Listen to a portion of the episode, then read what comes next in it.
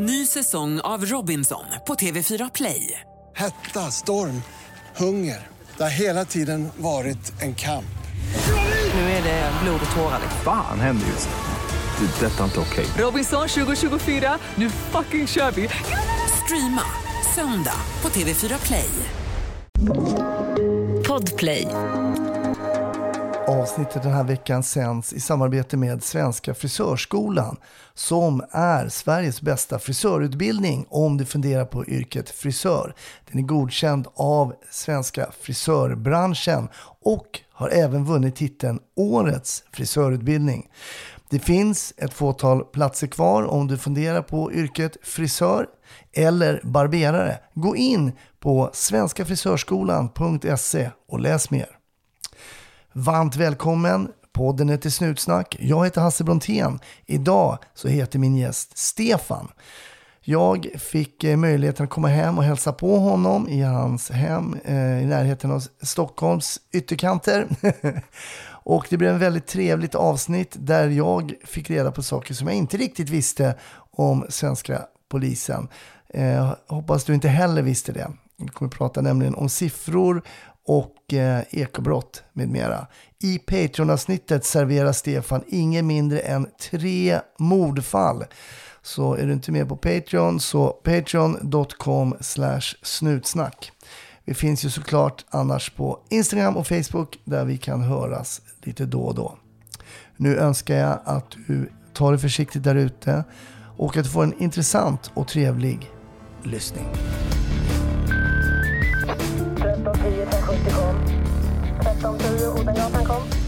Ja, det är uppfattat. Vi tar det. Slut.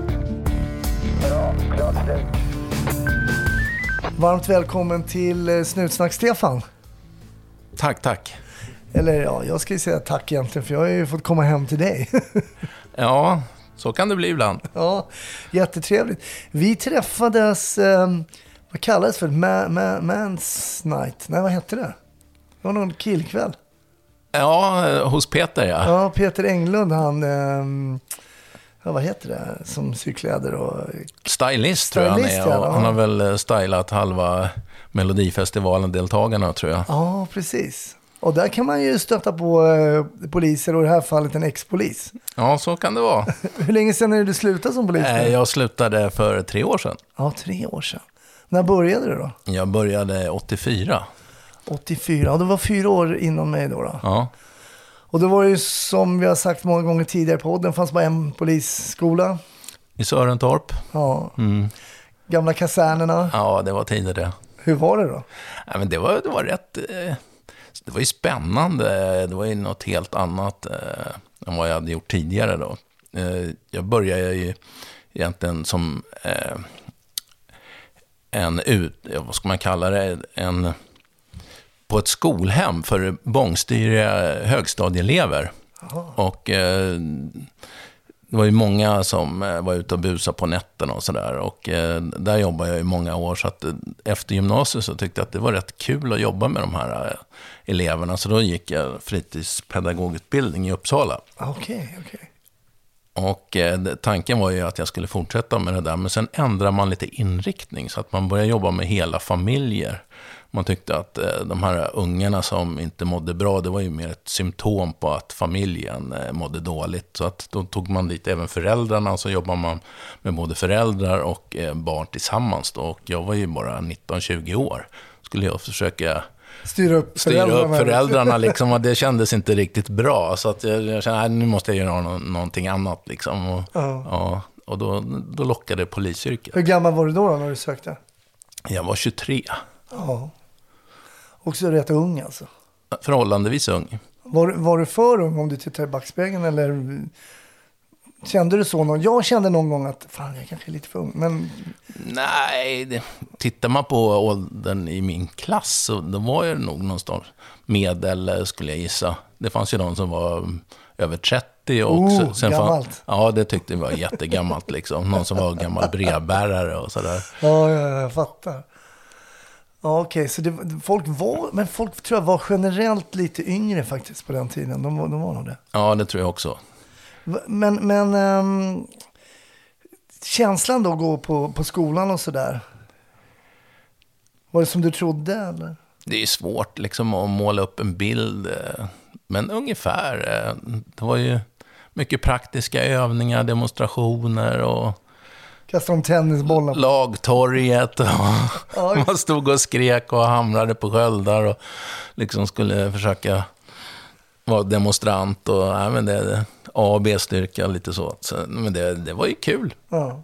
Visst, du visste var du skulle bli placerad sen då när du var färdig eller? Ja, jag visste ju att jag skulle hamna i Stockholm. Eh, Jag visste inte exakt var då, men jag hamnade i Farsta.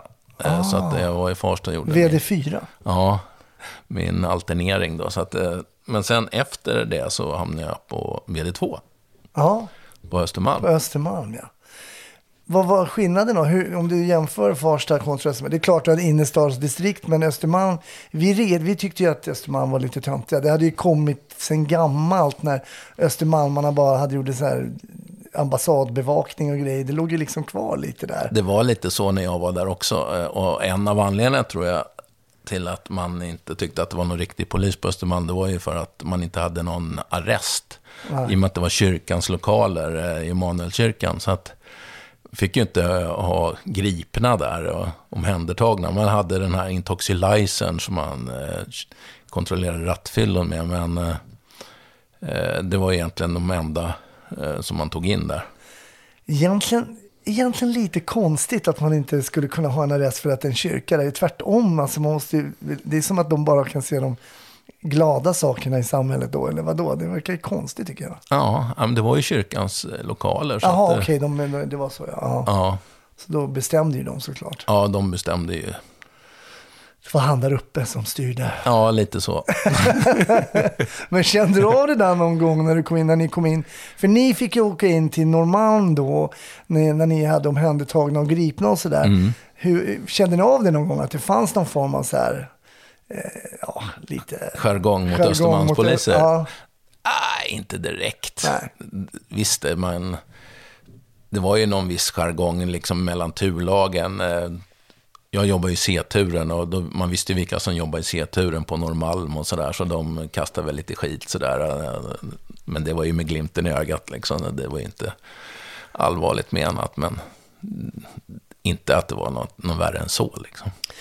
För er som lyssnar så kan vi berätta att liksom skillnaden där Norrmalm Östermalm, det var väl egentligen Sveavägen ehm, när det skar av. va? Var inte det uppåt var väl Östermalm då? Eh, och ehm, ja, ner mot stan var ju då Norrmalm. Lite förenklat såklart då. men, Men, eh, men hur var, vad hade ni för jobb på Östermalm? Eh, ja, vi hade ju en hel del kommenderingar uppe på stadion. Det var ju mycket konserter. Och... Men sen delade, vi hade ju manskapsbil och befälsbil och de hade ju lite olika inriktningar. Och så hade vi den här ÖVS-bussen då, då med de som var lite yngre i tjänst. Och var man riktigt ung i tjänst, då hamnade man ju i receptionen. Ah, det var ju riktigt öken. Alltså. Ja, och där satt ju rävarna som de kallar det. Ja, just det. Och ÖVS-bussarna, det hade vi också. Men hur var det med, tillhörde liksom Stureplan, var det Östermalm? Det var Östermalm, så att vi hade ju fotpatruller där på nätterna på fredagar och lördagar. Och Cetreus-skjutningen och det, det var ju en del stök som hände där. Ja, precis. Hur, hur blev du mottagen som, som ung polis där på Östermalm då? Var det någon som noterade att du var räv eller hade du varit ute i många år när du kom från Farsta? Nej, nej, utan jag kom ju direkt eh, efter alterneringen, eh, eller efter att jag hade varit eh, på den här ÖVS-tjänsten, om man nu kallar det så. Eh, Så det var ju, ja hur länge var jag där? Var jag kanske ett halvår i Farsta. Och sen blev det Östermalm. Ja, okej, så kort. Mm. Hade du någon målbild? Liksom, var det um, ordningspolisen som gällde eller hade du någon annan bild om vad du ville göra rent polisiärt sådär tidigt liksom? I, i, Nej, inte direkt. Däremot så tyckte jag det här med nattpass var ganska jobbigt. Jag blev ofta väldigt trött. Jag hade svårt att sova igen. Och liksom man jobbar ju 21.07 och sen efter det så jobbar man 17.02 och sen 10.17 och 07.14 eller något sånt där. Och det, jag tyckte det där slet. Så att jag jobbade bara några år eh, eh, när jag gick på den här hårda listan och sen så sökte jag in på juristlinjen. Och sen gjorde jag en, en egen lista, för det var två andra som gjorde det på Östermalm. Och, eh, eh, så då jobbade jag två kvällar i veckan i stort sett. Och sen hade jag två dagar med B-avdrag. Så, och det var ju fantastiskt, för då kunde man ta ut 220 dagar med B-avdrag och vara ledig. Så att eh, om man la ut dem där lite smart så fick man dem där att räcka ganska länge. Så att jag, eh, två och ett halvt år tror jag mina dagar räckte ungefär. Aha, Då man kunde gå och plugga på juristlinjen. Och det var bara juristlinjen som man kunde göra där på. Då. Men var kom de tankarna ifrån att du skulle läsa, till, läsa juridik? Nej, jag läste in giken eh, efter polisskolan, eh, juridisk introduktionskurs, och tyckte att det var ju ganska kul. Och eh, fick lite blodad tand, så eh, men jag provar och söker in på juristlinjen, för då får vi se hur det, hur det går. Liksom. Så kom jag in. Så det läste du alltså parallellt då, som du jobbar som polis? Ja, jag läste parallellt, men jag har en filkand då, så att jag är inte en djurkand. Så det, Vad, vad är skillnaden där då? eh, skillnaden är ett och ett halvt år eh, i studier. Jaha, vad hände då? då? Jag menar, då läser du ju, du läser ju mer straffrätt och av, av, av allt egentligen det man läser på polisskolan, för det läste man inte så himla mycket. Men, men vad, vad tänkte du på då att du skulle kunna göra inom det polisiära med de här eh, nyfunna kunskaperna då? Jag hade väl inte direkt någon, eh, något mål så. Jag tänkte att det här är- det är en jättebra förmån eh, att kunna få läsa på arbetstid. Och eh, jag kommer väl alltid ha någon nytta av det, förhoppningsvis. Men det var ju, blev ju nästan tvärtom. Att eh, när man sökte tjänster och hade en akademisk examen så... mm, Nej, vi vill inte ha en akademiker, liksom. det, vi vill ha mer praktiker. Liksom. Jaha, de trodde Ja. att du var värsta skrivbordsråttan? Ja, lite så.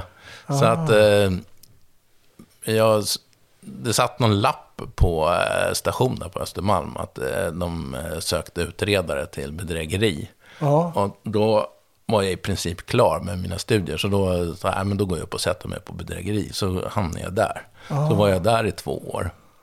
Okej.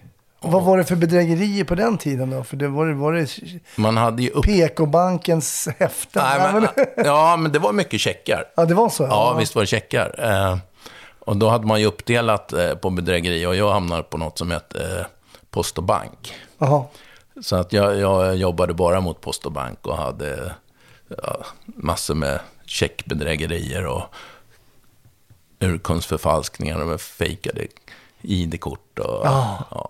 Och för er yngre lyssnare, det här kan ni kanske inte ta in, men då stod man ju liksom i kö på posten och banken och lämnade in så här papperslappar och, för att begära att få ut pengar. Och så ska man ju visa ID såklart och det fanns lite olika former av ID som det finns idag också såklart. Men, som man kunde förfalska och sådär. Och förfalska folks eh, namnteckningar och, och sådana grejer. Mm.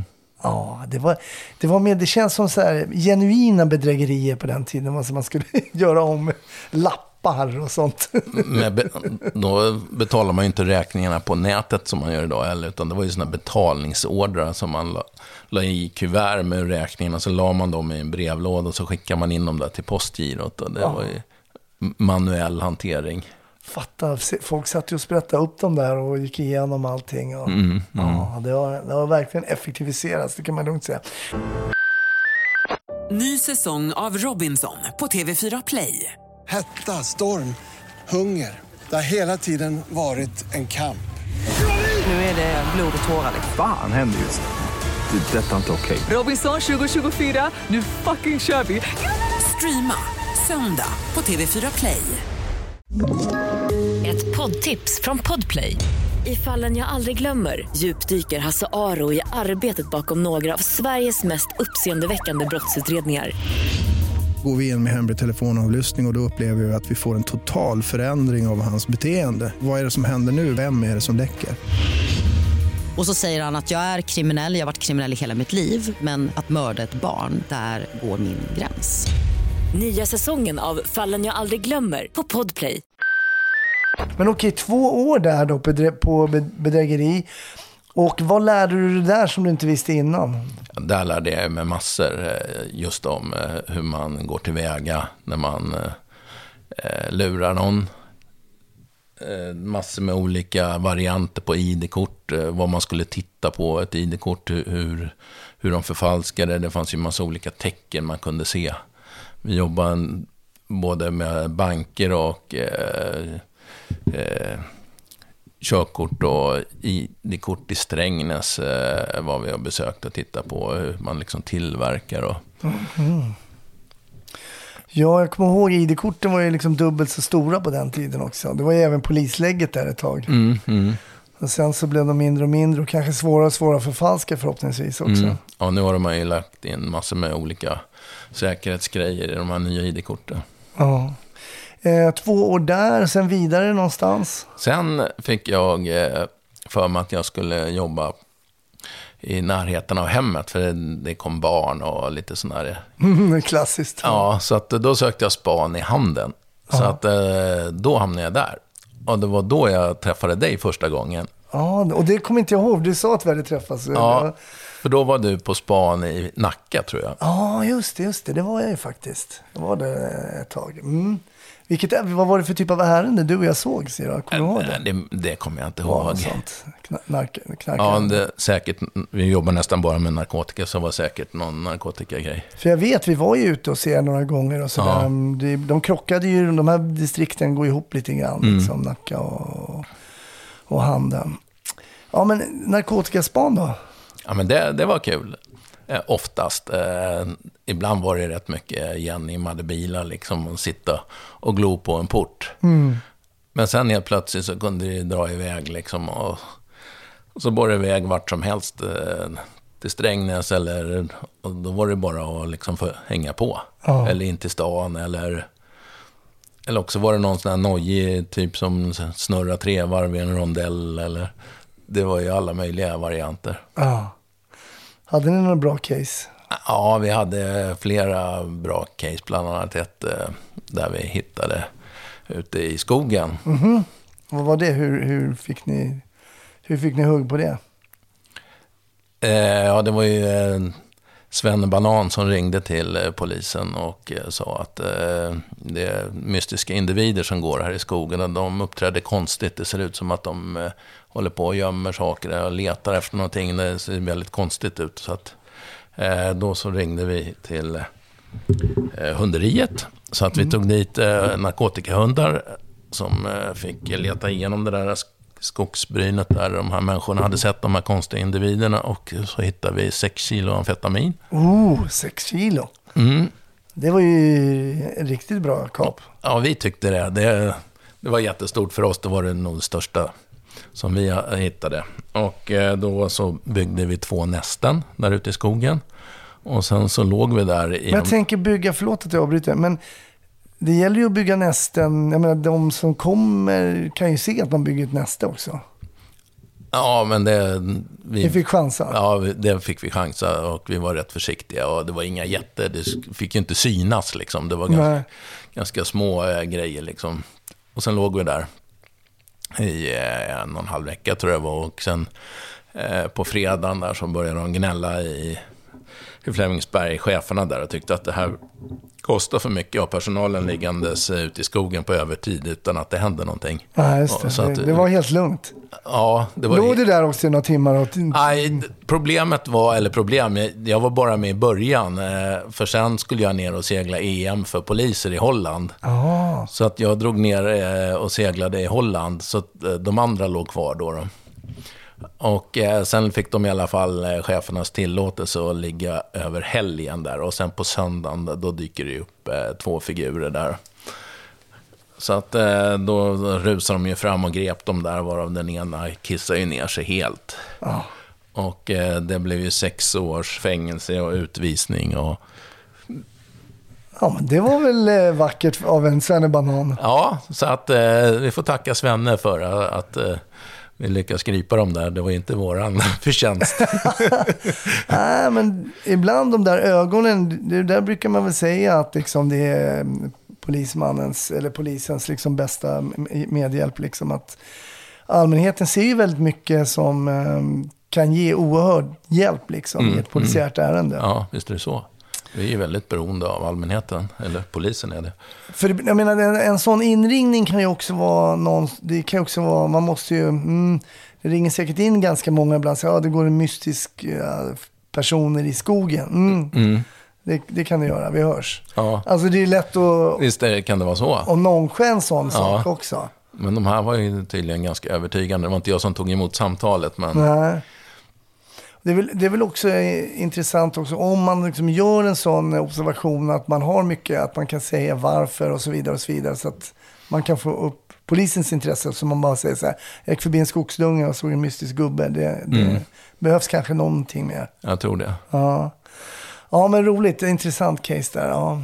Sex kilo, ja men sex kilo det spanade man inte fram varje vecka. Nej, det var ju mest eh, eget bruk som man hittade när man gjorde. Mm. Okej, men så då, hur länge var du där som spanare då? Som spanare var jag där. Ja, sista året eh, höll jag på med utredningar och så eh, var jag gruppchef eh, s- sista året i princip. Men vad gjorde du? Gjorde du något för att inte se ut som en polis? Eller hade du Gore-Tex-jacka och foträta skor och Nej, jag- sidoficka? På Nej, eh, inga, inga ekodojor hade jag. Men jag, jag vet inte, jag försökte nog sticka ut lite från mängden. Men jag, jag hörde ju kollegorna i Alby, där hade de haft någon, eh, någon lägenhet som de höll på och sålde massa sprit. Så att eh, de klädde ut sig och tänkte att de skulle stå och spana där utanför och se vad det var för några som gick dit och köpte. Så möter de något eh, ungdomsgäng när de är på väg dit. Och så när de har passerat det där ungdomsgänget, eh, då, vänd, då säger, hör de att ungdomarna säger till varandra, Fan, nu har snuten blivit helt vansinniga. Åh, det var bara så fel på det alltså. Ja, det, det var inte helt lyckat. Det är så här medelålders män som sätter en keps bakom fram och tror att de inte syns. Liksom. Ja, lite så. Ungefär. Lite det stycket. Åh, herregud vad roligt. Åh, åh, det är inte det man vill höra. Man var så här, verkligen Ja, de tyckte verkligen att nu har vi tagit ut svängarna liksom. Jag köpte hiphop-skor. Ja. Ja, fasen vad roligt. Ja, mm. Men okej, utredningar, var, körde du narkotikautredningar då? Eller? Ja, ja. och sen eh, var jag även utlånad till eh, eh, SGI i Flemingsberg. Ja, Särskilda gänginsatser eh, Ja, just där vi körde ett, eh, stort ärende i Fittja. För det var gäng redan på den tiden. Ja, vi hade en, en, en, en ja, kan det vara tio stycken utredare som satt i Flemingsberg som bara jobbade mot gäng. För det, det är ju så att man kan ju inte säga att man inte såg saker och ting komma. I alla fall inte från polisiärt håll. Jag menar, gängen fanns eh, där då. Det är ju ganska många år sedan redan Mm. då. Man har en grupp som heter SGI, Särskilda gänginsatsen. Eh, det var ju ganska tydligt att ehm, det började utkristalliseras sådana här gäng som tog över mer och mer. Mm. Och det skickades väl signaler eh, uppåt och, och eh, sen också i det politiska leden. Men det har ju hänt väldigt lite tycker jag. Visst är det så. Men det är svårt att motverka det också, för att eh, de här gängen ser ju inte ut... eh, Det är liksom ad Ja. hoc-gäng hela tiden. Mm. Man tittar ju på vad det är för kompetenser man behöver. Om man liksom ska... Är det någon som är duktig på att köra bil, eller är det någon som är duktig på att bryta, eller... Så sätter man ju ihop liksom olika gäng, så de ser ju inte... Som heller inte alltid är homogena. Nej, liksom. precis. Utan... Det var ju nästan lättare lite tidigare där då, om man tittar 97 där någonstans. Då var det ju så här, då hade ett gäng sådana västar med den texten. Mm. Och ett gäng körde motorcyklar också, men de hade andra västar. Det var ju betydligt enklare. Ja, ja. Om man berättade att man var med i den här äh, gangsterklubben, vad det nu hette, Mm. om det var då Bandidos eller Hells Angels. Och sen kom det ju några liknande sådana tuffa gäng som var, bildades på anstalter och sånt. Men de hade liksom namn. Mm. Och så sa man att man till, men det är inte så det är idag ju. Nej, nu är det mycket mer flytande. Och, Ja, och, och det som är lite läskigt, eh, det är ju att eh, det egentligen inte krävs någonting eh, nu för tiden. Man kan ju bli ihjälskjuten för att man inte har betalat tillbaka cigaretter som man har lånat i stort Ja. sett. Liksom. eller man har tittat på någon annans tjej. Ja, Eller typ någonting. Ja, det är den här... Man inte har visat respekt eller att man har kränkt någon annans. Mm. Ja, det är, det är helt sjukt att det har blivit så alltså. Ja, men det är också en fråga varför och hur och så. Det är, den är för stor för oss. mm, ja, ja, visst är det så. tror jag. Ja. Tror jag. Ja, okej, men Eh, lite utredningar där och folk in på förhör och klassiskt lite så kontakt med åklagaren. Lite folk anhållna, häktade. Mm. Och, mm. och sen du, du har ändå flyttat på dig hyfsat. Eh, Ja, men sen eh, när jag svarade, eller var gruppchef där, så fick vi inte rekrytera. Jag fick inte rekrytera eh, trots att eh, det slutade eh, personal, utan då var ju tanken då att vi skulle gå upp i eh, den stora spangruppen i, i Flemingsberg. Ja, ja. Och då kände jag att nej, jag har ingen lust att sitta och åka till Flemingsberg och jobba där. Nej. Så då sökte jag till Ekobrottsmyndigheten, för där hade jag kompisar. Ah, okej. Så att eh, efter span så blev det Ekobrottsmyndigheten och där var jag i åtta år. Och det var verkligen ett eh, superbra ställe att jobba på. Ja, det var det. Ja, det, jag tror inte att det är riktigt lika bra längre, men eh, då var det jättebra. Varför var det så bra då? då? Eh, det var, ganska, det var väldigt bra människor som jobbade där. Man jobbar ju mycket i team. Eh, åklagare, poliser, revisorer. Och tycker man det här med eko-utredningar är kul så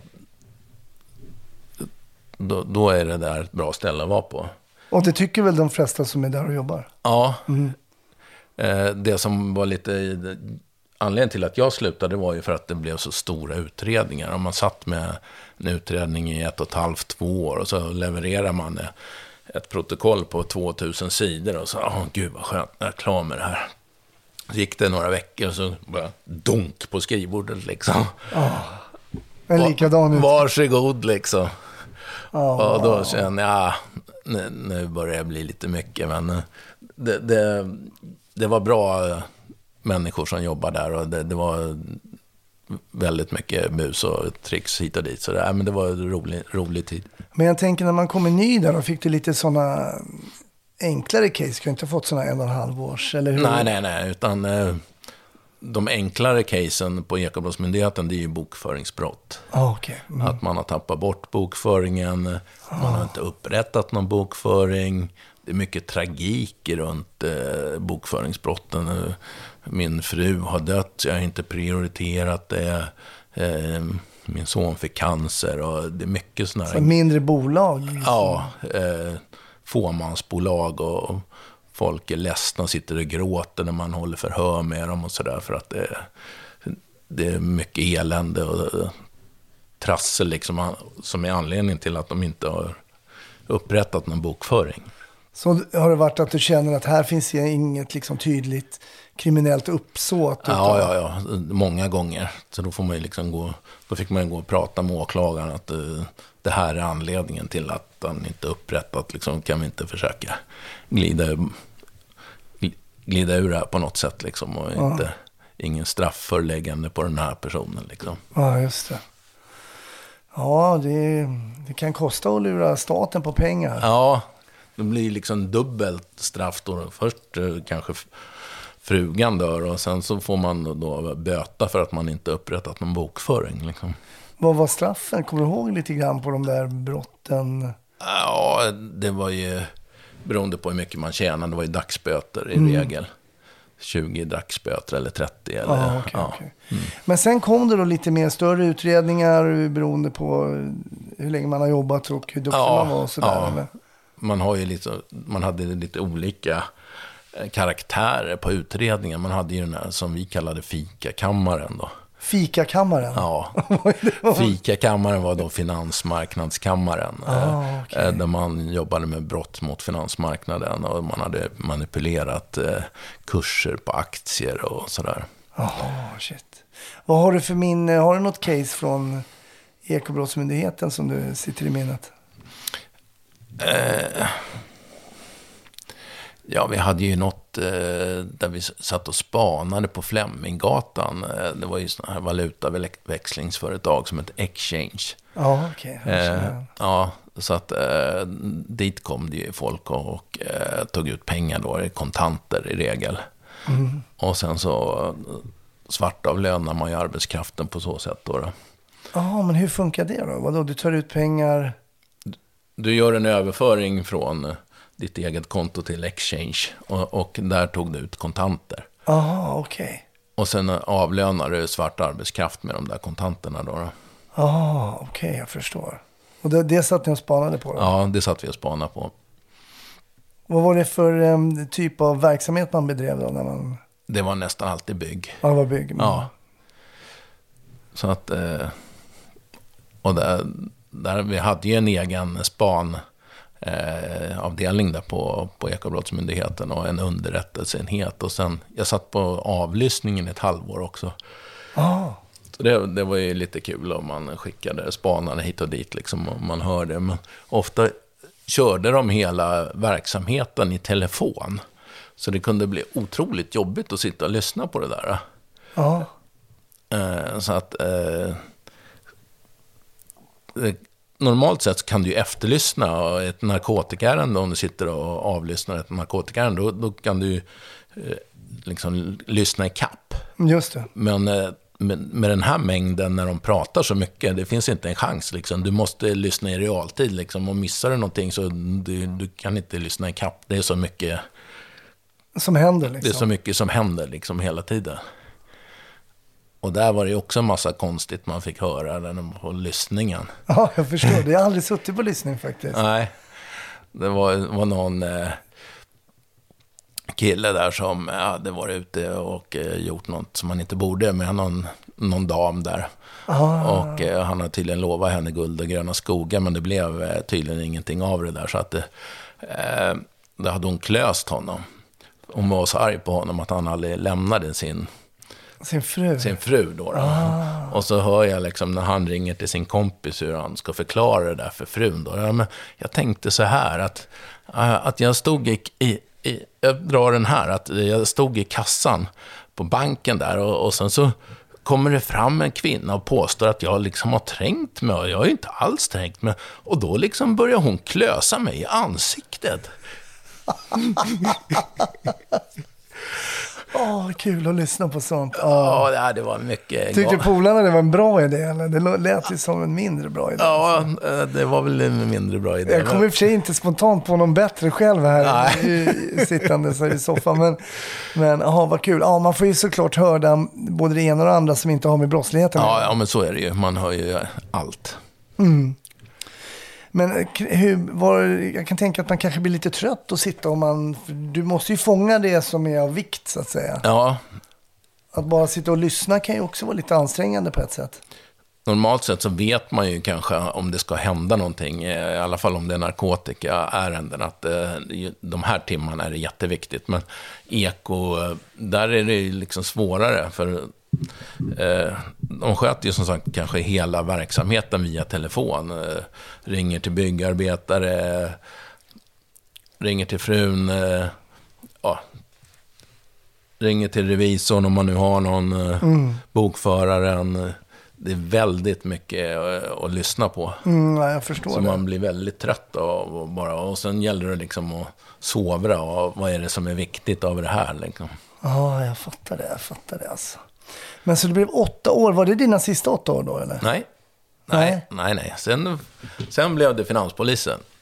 Ah, är det liksom ett snäpp upp från eh, Ekobrottsmyndigheten? Nej, det, det Finans, det låter... Ja, Dyrare. Det, det som är skillnaden är ju att det är, eh, på Ekobrottsmyndigheten, det är, dels är det en åklagarmyndighet. Ja, en egen myndighet. Ja. Mm. Och sen jobbar man ju i FU, i förundersökning. Mm.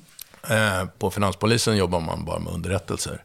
Ah, Okej. Och dit eh, rapporterar ju alla banker. Ah. Så misstänkt penningtvätt rapporterar ju de. Jag förstår. Det. Men det som jag anställdes för, det var att bli en så kallad finansiell utredare. Så att jag var, jag tror vi var tre stycken som, jag var de första i Sverige tror jag, som var finansiella utredare. Och vad, vad var era Och, och anledningen till det var att det kom en ny lagstiftning då, 2009-2010, där någon gång, eh, brottsbalken 36 1b som den heter, som eh, handlade om utvidgat förverkande. Vad heter den? Utvidgat förverkande. Utvidgat förverkande. Mm. Så att, eh, som det hade varit tidigare då, om du gjorde en husrannsakan hos någon och så hittar du, eh, vi säger två hekto amfetamin och så hittar du 20 000 kronor. Då måste du visa på kopplingen mellan pengarna och narkotikan. Att det här var någon form av vederlag för narkotikaförsäljning eller på något sätt visa.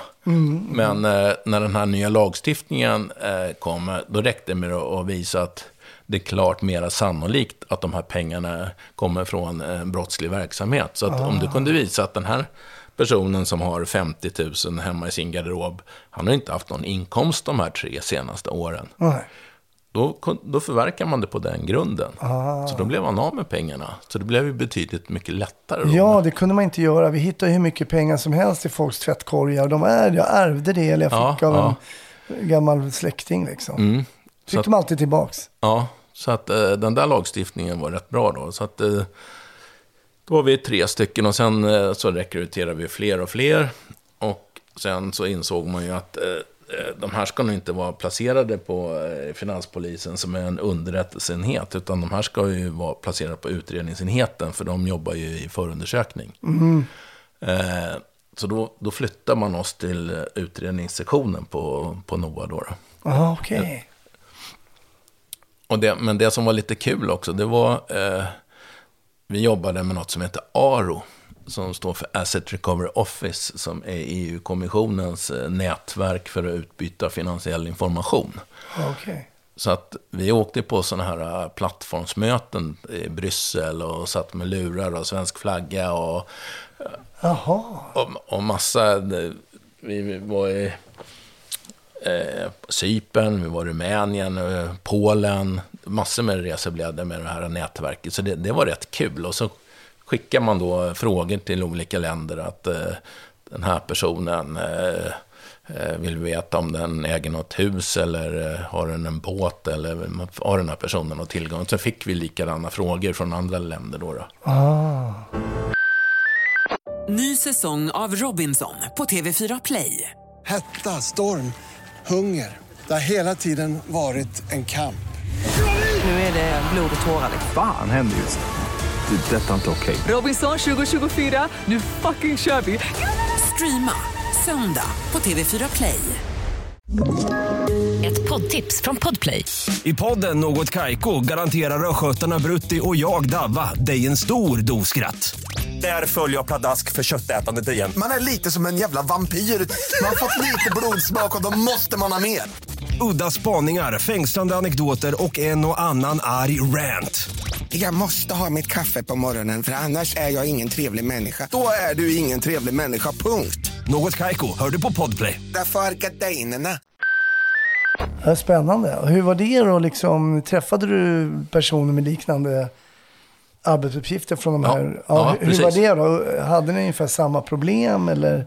Ja, på det stora hela kan man säga. Men Ja. i Sverige har vi det ganska bra förspänt eh, vad det gäller register. Mm. Om man tittar på Italien exempelvis, då, vi har ju fastighetsregister, vi kan se vem eh, som äger en fastighet. Medan i Italien, där måste du vända dig till den eh, specifika kommunen. Eh, Där den där fastigheten ligger och ja, och du förstår själv. Det, det, Jag vet, min exfru var italienska, de hade ju fastigheter, det var ju kaos. Alltså, ta Ja. reda på, någon fastighet är inte reggad ens, och vem äger den? Är det vi, Ja. är det ni? Nej, Nej, det var, det det var är helt kaos, alltså. sanslöst. Så Ja. att, eh, det är flera länder som har trassligt, eh, Mm. trassliga system. Vi har det ganska bra förspänt i Sverige. Ja, just det. Vi är bra på logistik alltså. Ja.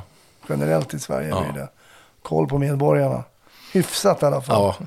Nu pratar man om eventuellt så folkräkning eller nej, men så, vi kanske inte har så jäkla bra koll ändå då. Jag vet inte. så är det ju. Men du slutar ju. Är det när du är på finans? Eh, nej, Du går vidare igen. ja, eh, då är jag ju på den här utredningssektionen eh, i, eh, ja, jag minns inte hur många år jag var där, två, tre år kanske. Och sen sökte jag vidare till korruptionsgruppen. Så där var jag i nästan två år. Och eh, där hade vi också en stor ärende, Telia-utredningen till exempel. Eh, Just det. där man eh, mutade presidentens dotter i Uzbekistan. Just det, de har ju läst om det där. Ja. Ja.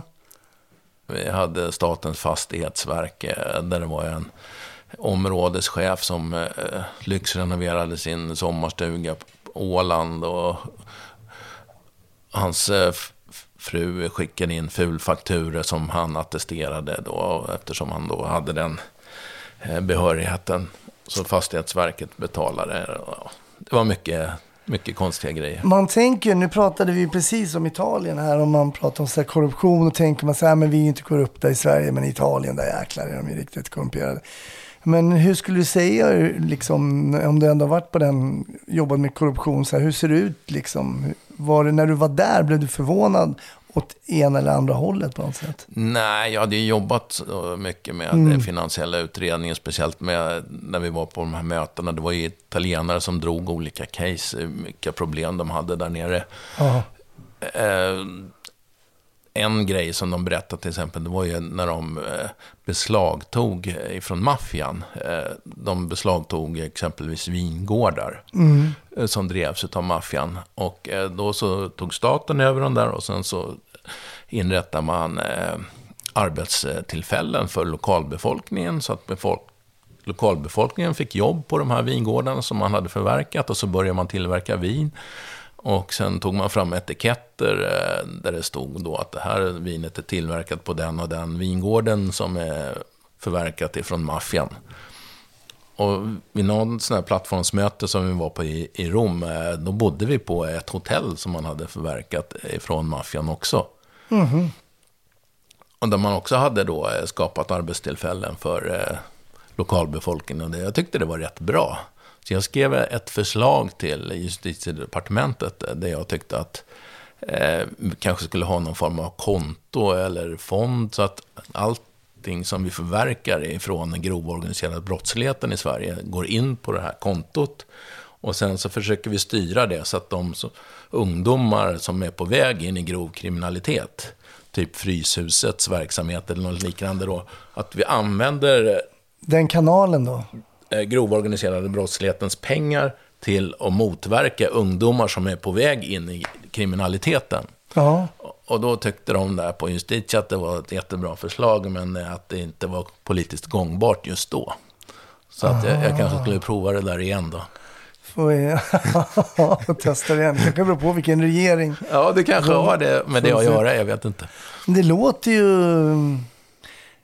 Det låter ju som en himla bra grej. Jag tänker att man liksom på något sätt då sitter och sågar av den grenen man sitter på kanske lite grann. Om man inte får någon, om man inte får någon backup i förlängningen. Mm, mm. Man suddar ut eh, de unga förmågornas möjlighet att komma och jobba med en. Liksom. Ja, det tycker jag är rätt bra.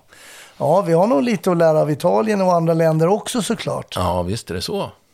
Är det någon sån här lagstiftning du hörde när du var ute och pratade med någon polack eller någonting som man känner, shit, det här borde ju verkligen alla ha eller något sånt där?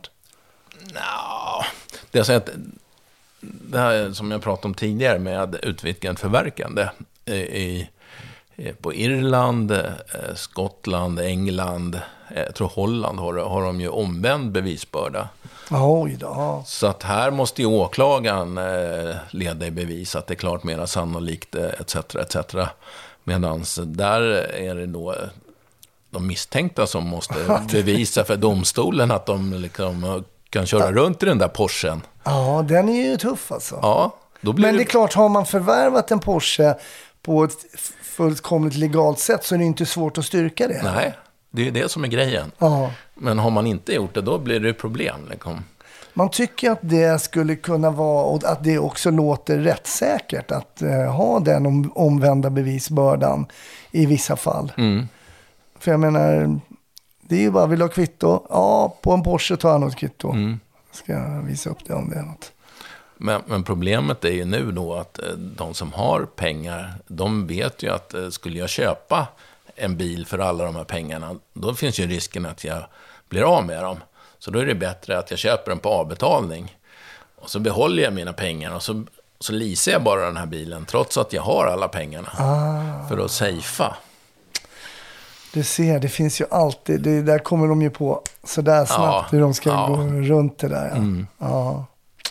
Okej, det kanske inte var så bra som jag trodde initialt. Men jag tar tillbaka det. Men pengar och siffror är inte min grej heller, så jag får, väl säga. Ja, men okej då, då är du där på um, korruptionsbiten. Men är det din sista anhalt då? Det är den sista. Ja, det är det. Ja, Men får du då någon form av erbjudande att gå, gå över så att säga till civil verksamhet? Eller känner du att nu har jag nog nått vägs ände lite? Eller var det en kombination? Nej, det var nog en kombination och det var ju, det var ju flera andra eh, före detta eh, FIPO-chefen slutade, en av gruppcheferna på FIPO slutade och, gick till bank. Och det var även andra som gick till bank och då tänkte jag, "Sjutton, jag undrar om inte jag också ska prova bank. Det Ja. kanske, jag har ju jobbat med eko nu i alla år liksom, Ja. och analyserat konton och sådär. Så att det, det var ju ingen ny materia på så sätt. Nej, jag och förstår. jag har ändå ganska bred bakgrund, så jag kanske kan tillföra någonting till banken. Liksom. Mm. Och då, uppenbarligen tyckte de ju det, i och med att jag blev rekryterad. Då. Men såg du en tjänst som var ledig någonstans? Ja, ja du gjorde det. Ja. Mm. Och den tyckte jag den, den passade liksom på min profil. ja, du gjorde det. Ja. Och vad hette den tjänsten de sökte då? Ja, jag, man har ju olika kategorier eh, på tjänster på banken, så att jag är ju nå- något som de kallar specialist. Då. Ja, okej. Och, och, och då sökte du den och då var det en rekryt, ett rekryteringsförfarande Ja, ja. Om du jämför med de eh, rekryteringar du varit på inom polisen, var det någon skillnad? Ja, det här gick mycket fortare. Ja, det gjorde det? Ja. Eh, Det var en intervju och sen i stort sett var det klart. Ja, det var så. Det gick bara på eh, någon vecka eller två. Så att eh, det gick... eh, Ja, man fick göra nå- några sådana tester på nätet också. Ja, så att du inte var helt... Ja, eh, som man- kollade att du var normalbegåvad. Ja, ja ungefär. Men eh, okej, då fick du beskedet. Ja, men, ja, men vi, du verkar ju bra. Vi vill gärna anställa dig. Hur säker var du på att du skulle säga ja då? Var du helt, om jag får det så tar jag det. Nej, utan då... eh, Jag, jag kommer inte ihåg vad jag gav för besked just då, om jag sa att jag skulle fundera på det. Men det som jag blev lite glad för, det var ju att de försökte ju komma med motbud på polisen. Jaha, det har aldrig talas. Nej, men de bjöd ganska mycket mer än vad jag hade i lön då. Så att det tyckte jag var, det blev jag väldigt glad för. Ja, det var ju verkligen ett eh, Ja. erkännande Ja, av kompetens. Ja. ja, så att, eh, Det, är ju helt, det har jag faktiskt aldrig låtit helt unikt. ja, det, jag vet inte om det är unikt, men... eh, Ja, men jag, har i alla fall inte hört det. Jag har pratat med rätt många eh, poliser kan jag säga. Och är det någon polis som lyssnar nu också har, blivit, eh, har varit med om det här så får du gärna höra av dig. Ja, ja. Okej, men, men eh, var det något som du använde också i löneförhandling mot banken? Så, nu höjer de mig här, vad gör ni? Nej, utan då var det redan klart med den lönen på banken. Men var lönen på banken ändå högre än den hos polisen? Ja, det var det ju. Annars hade det ju inte... Annars att, eh, hade det inte blivit något. Annars hade det nog inte blivit något. Men eh, då blev det bank. Jag tänkte att det kan ju vara kul att eh, jobba på bank de sista åren. Men hur var det då? Hänga av sig hela den här... Nu var du ju för sig då kanske inte... Behövde inte hänga av dig uniformen så, men du hänger ändå av dig din liksom, polisiära mantel på något sätt. För det har man ju oavsett kanske var man än jobbar som polis. Men hur var det då? Lämna in brickan? Ja, men och... det, känd, det kändes ju väldigt konstigt man, efter så många år. Ja. Och de var ju ganska måna om att få, att få in brickan för att det, det hade förekommit att eh, de som gick i pension eh, helt plötsligt tappade bort sin bricka. Mm, mm. Jag fick det tipset också. Var någon som, vadå, lämnar du in den? Det är klart att du ska tappa bort den så Ja. du kan ha den kvar. Ja. Mm. ja, men jag lämnade in min också. Ja. Har den bara i huvudet. Mm, mm. Ja, men du, för så kände jag också. Det var lite speciellt liksom. Va, tack och hej, nu får den här... Nu är det borta liksom.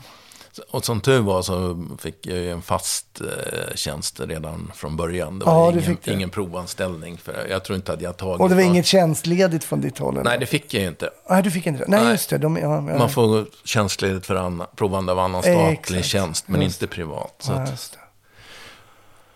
Jaha, och hur trivs du på banken? nej, men det, det, är- det, arbetsuppgifterna är kanske inte lika spännande som de var på polisen, men det är väldigt mycket trevliga människor, det måste jag säga. Det är mycket roliga och bra människor faktiskt. Och jag tänker på det här att byta miljö, det gör man ju verkligen när man byter då kanske från polisen till bank. Hur var det? Var det någonting som, var, som gav någon extra energi också? Att bara byta miljö och byta kanske typerna av folk eller något sånt där? Ja, men det var ju det här med eh, kollegorna, att de är ju väldigt... Eh, poliser kan ju vara lite sådär trubbiga och de... de flesta har ju varit med om ganska mycket grejer och blir lite avtrubbade sådär. Mm. Eh, här är ju betydligt yngre medelålder. Ja. På korruptionsgruppen, eh, jag vet inte vad medelåldern var där, men inte under 50 skulle jag gissa. Ah, Okej, ändå medelåldern också. Ja, Mm. 45-50 någonstans. Mm, nej, jag fattar. Men här på banken är det ju en, ja, jag vet inte vad medelåldern är där, 30 kanske? Jag är Du höjer den. jag är outstanding, jag är äldst av alla liksom. Ja, det är det. Man kanske skulle behöva några sådana här 30-åringar även på korruptionsgruppen. För det tillför ju... Ja, Eh, det, blir en, det blir en speciell dynamik också Ja. när vi, man växlar i åldrar och sådär. mm. det, jag tror det var därför att eh, de ville ha in mig också. eh, För att just få det här spannet mm, mellan olika åldrar. För det, På banken, ja. Ja. ja. Men jag tror också att det är, att det är av vikt så att säga. Att, man, att man mixar upp lite. och lite olikheter med bakgrunder och, Mm. och sådär. Det, det, tillför. Ja. Spännande. Jag tänkte, vi, vi ska prata vidare också i ett Patreon-avsnitt. Och du nämnde också tidigare här om ett, ett mord eh, lite söder om Stora stan. Tänkte vi kan prata om det då. Ja, det, det tar vi i, i nästa avsnitt. Ja, precis. Men innan vi rundar av här så måste jag höra nu när du eh, kollar på tv här eh, nere här i ditt tv-rum. Är det bara polisfilmer för att få tillbaka den här gamla snutromantiken i det? Väcka den? Eller- Nej, nej, faktiskt inte. Det är lite tvärtom. Att jag tittar nog inte jättemycket på Den tunna blå linjen har jag sett några avsnitt, inte alla. Ah, okej, ja. Det var inte så att du fastnade helt? Nej, eh, jag vet inte varför. Men just om man nu pratar om den tunna blå linjen så tycker jag att eh, det känns inte riktigt realistiskt alla gånger. Och, och jag gillar inte när de liksom försöker spetsa till det och sådär. Men å andra sidan, om man skulle göra riktigt real life, då skulle ingen vilja titta på det, för det skulle bli för tråkigt. Liksom. Ja, precis. Ja, men så är det. Så är det. Men eh, det var ingen gammal snutfilm sådär som du kollade på någon gång som du kan rekommendera till lyssnarna? Eller serie om du kollar på den. Du behöver inte vara polis. Det kan vara något bra. Ja, en- någon, en bok som jag tyckte var lite Ja. kul, det är den här Korgossarna, Josef Wambaug. Men den är ju lite special. Ja, den har inte jag läst. Den har jag inte läst. Nej, då, då får du göra det. Men är det polisiärt eller? Ja, ja, ja. I New York. Ja, men okej. Jag tror jag vet vad det är. Ja, Ja, vilka lirare. ja Korgossarna. Ja. Och vad heter författaren? Josef Wambaug. Bra, bra tips. Kan vara bra att komma med lite boktips också till lyssnarna. Eh, Stefan, stort tack. Eh, vi pratar vidare strax i ett Patreon-avsnitt, men eh, tack för att du ville vara med i ett avsnitt. Mm, tack, tack. Kul att vara med.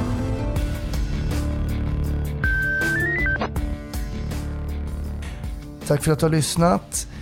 Det är ju så att det kommer tillbaka ett nytt avsnitt i nästa vecka. Jag hoppas vi hörs även då. Gå in på patreon.com snutsnack om du vill höra bonusmaterialet med Stefan som är väldigt spännande. Eller bonusmaterial från en hel del andra gäster också. Annars hörs vi nästa vecka. Ha det fint. Hej då.